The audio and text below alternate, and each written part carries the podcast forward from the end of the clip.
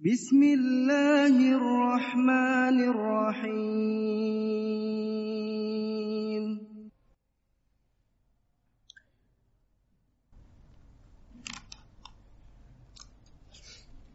إن الحمد لله نحمده ونستعينه ونستغفره ونعوذ بالله من شرور أنفسنا ومن سيئات أعمالنا. من يهده الله فلا مضل له ومن يضلل فلا هادي له. أشهد أن لا إله إلا الله وأشهد أن محمدا عبده ورسوله. قال تعالى يا أيها الذين آمنوا اتقوا الله حق تقاته ولا تموتن إلا وأنتم مسلمون. Allah subhanahu wa ta'ala berfirman Wahai orang-orang yang beriman Bertakwalah kalian kepada Allah Sebenar-benarnya takwa Sebaik-baiknya takwa Dan janganlah kalian wafat Kecuali dalam keadaan Islam Tunduk dan patuh kepada Allah subhanahu wa ta'ala Wa qala ta'ala يا أيها الناس اعبدوا ربكم الذي خلقكم من نفس واحدة وخلق منها زوجها وبث منهما رجالا كثيرا ونساء واتقوا الله واتقوا الله الذي تساءلون به والأرحام إن الله كان عليكم رقيبا. وقال تعالى يا أيها الذين آمنوا اتقوا الله وقولوا قولا سديدا. يصلح لكم أعمالكم ويغفر لكم ذنوبكم. ومن يطع الله ورسوله فقد فاز فوزا عظيما.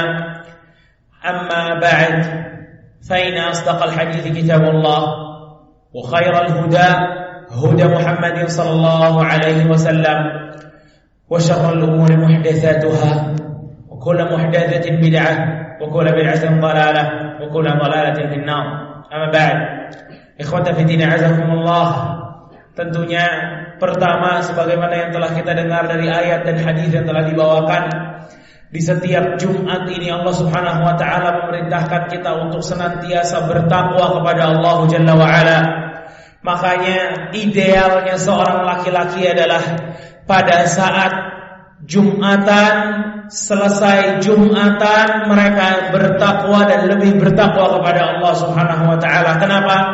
Karena perempuan gak ada Jumatan.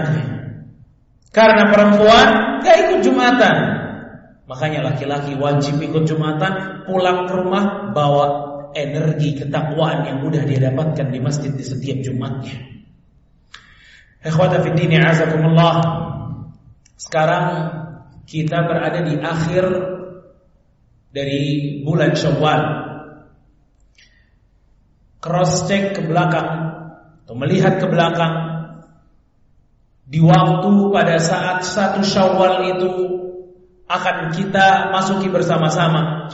Kita lihat sebagian dari kita mereka tetap berbondong-bondong untuk bisa kembali ke kampungnya, kumpul sama keluarganya, Walaupun banyak banget hal-hal yang mesti mereka lewati.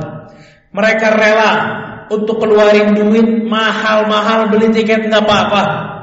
Mereka rela untuk macet-macet di jalan nggak apa-apa. Mereka nunggu di jalanan berjam-jam bahkan berhari-hari nggak apa-apa. Mereka rela. Bahkan mereka hatta diingatkan tentang penyakit yang berbahaya. Mereka rela untuk tetap berangkat ke kampung halaman. Tujuannya satu ikhwata, kumpul bersama keluarga. Berbagi kebahagiaan dengan sanak saudara. Kumpul sama keluarga, itu tujuannya. Bapak-bapak kerja sore pulang buru-buru, makanya kalau kita lihat di jalan kalau udah jam 5 semuanya ngebut orang-orang. Semuanya mau pulang duluan. Kenapa? Mau kumpul lagi sama keluarga. Anak-anak yang sekolah, mereka pulang bergegas, mau kumpul sama keluarga. Kumpul sama keluarga tuh nikmat dari Allah Subhanahu wa taala. Kumpul ber, berbarengan kembali dengan anak-anak, dengan sanak saudara, dengan orang tua, nikmat dari Allah Jalla wa ala. Makanya ikhwatah, Berpisah dengan anggota keluarga berat, sedih.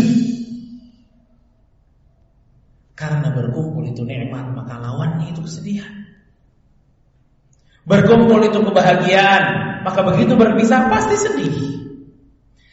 Kalau kita ingin lihat ikhwata fillah bagaimana Allah menceritakan perpisahan Nabi Ibrahim alaihi salam dengan istrinya Siti Hajar dan anaknya Ismail alaihi salam. Yang waktu itu Ismail masih berapa bulan, masih digendong-gendong sama Siti Hajar ibunya. Nabi Ibrahim alaihi salam mendapatkan perintah Allah Subhanahu wa taala untuk membawa istri dan anaknya yang masih kecil itu ke Mekah. Mekah belum ada apa-apa. Ka'bahnya masih pondasinya. Belum ada bangunannya karena hancur disebabkan banjir bandang yang ada di zaman Nabi Nuh alaihi salam. Nabi Ibrahim bawa Nabi Ibrahim tuntun Siti Hajar dan Ismail sampai di Mekah. Begitu di Mekah, Nabi Ibrahim menitipkan satu kantung berisi air, satu kantung lagi berisi kurma dititipkan untuk istri dan anaknya dititipkan Nabi Ibrahim alaihissalam lalu Nabi Ibrahim pergi dan Hajar itu nggak tahu bahwa Nabi Ibrahim alaihissalam itu akan meninggalkan mereka di situ. Dia tahunya Nabi Ibrahim akan bersama terus dengan mereka, tapi enggak. Ikhwatah, Nabi Ibrahim udah tahu Nabi Ibrahim mesti ninggalin Siti Hajar dan Ismail, tapi Nabi Ibrahim juga berat mengatakan kepada Siti Hajar dan Ismail, Berat karena berpisah itu berat. Pada saat Hajar alaihissalam diberikan kurma dan air, Nabi Ibrahim pergi. Nabi Ibrahim pergi, Hajar pun bingung, kenapa Nabi Ibrahim pergi?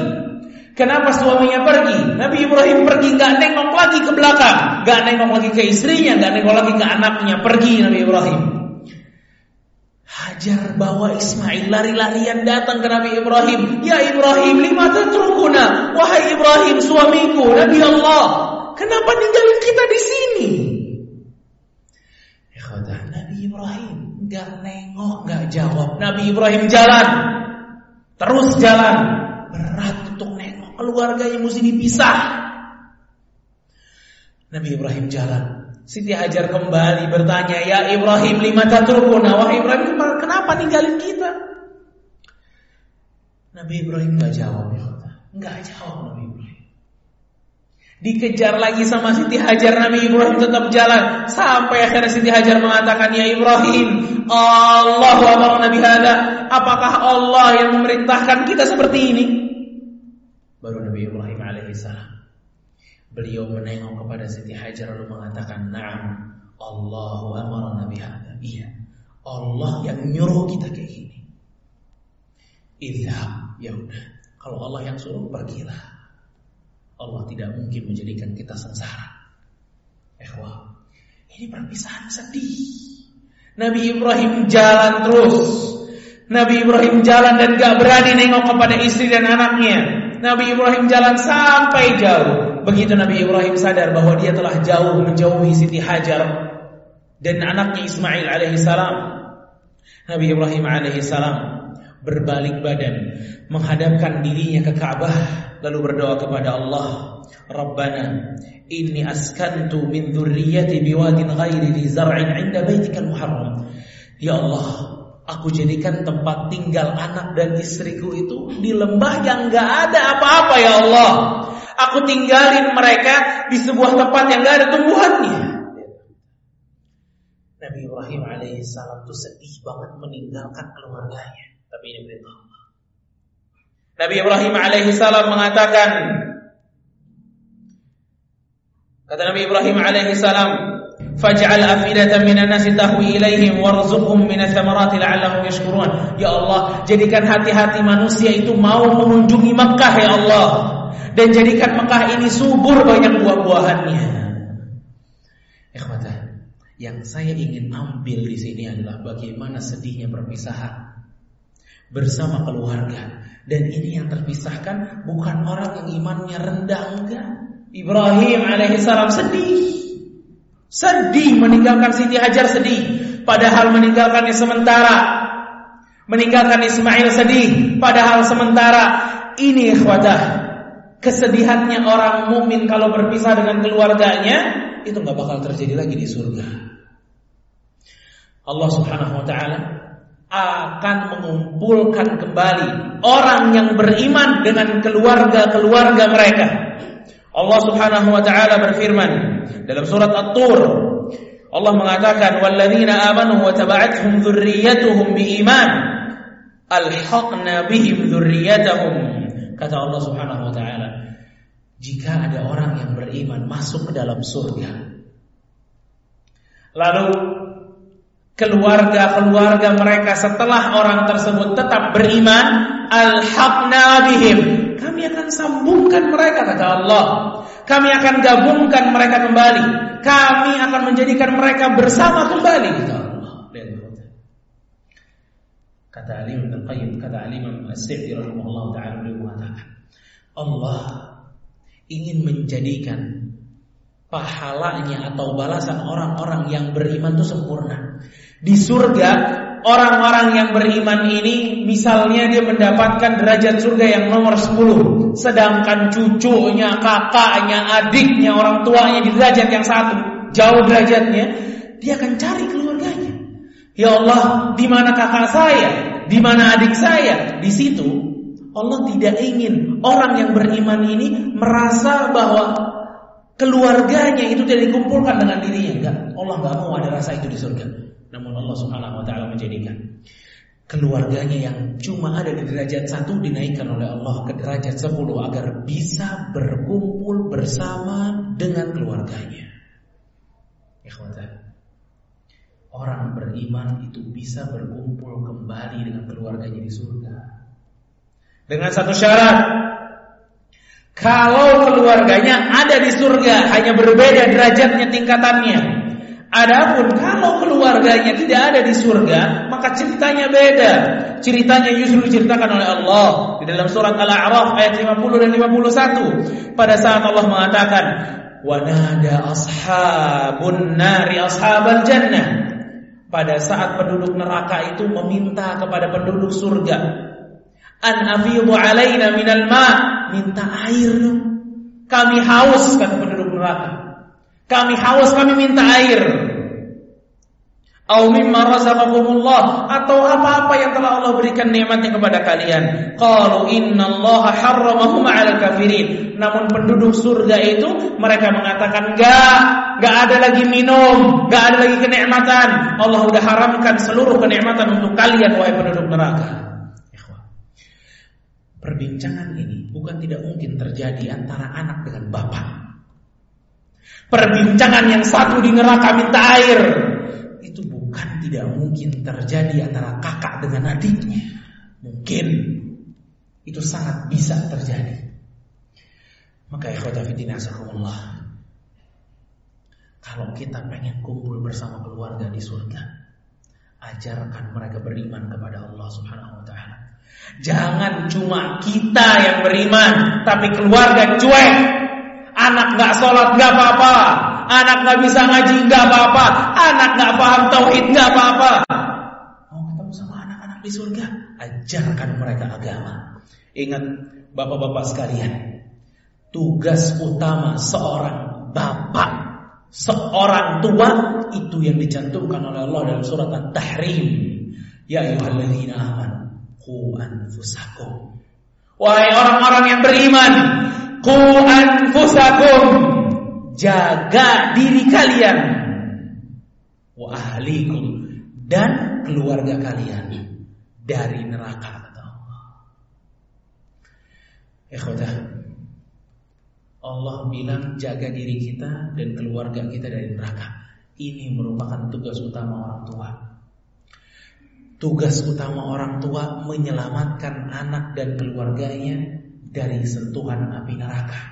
Ajarkan mereka sholat, ajarkan mereka tauhid, jauhi mereka dari keharaman, jauhi mereka dari maksiat. Niscaya kita akan dikumpulkan oleh Allah Subhanahu wa taala dalam surganya. Barakallahu li wa lakum fil Qur'anil azim wa nafa'ani bima fihi min al-ayati wa dzikril hakim. Aqulu qawli hadha wa astaghfirullah li wa lakum.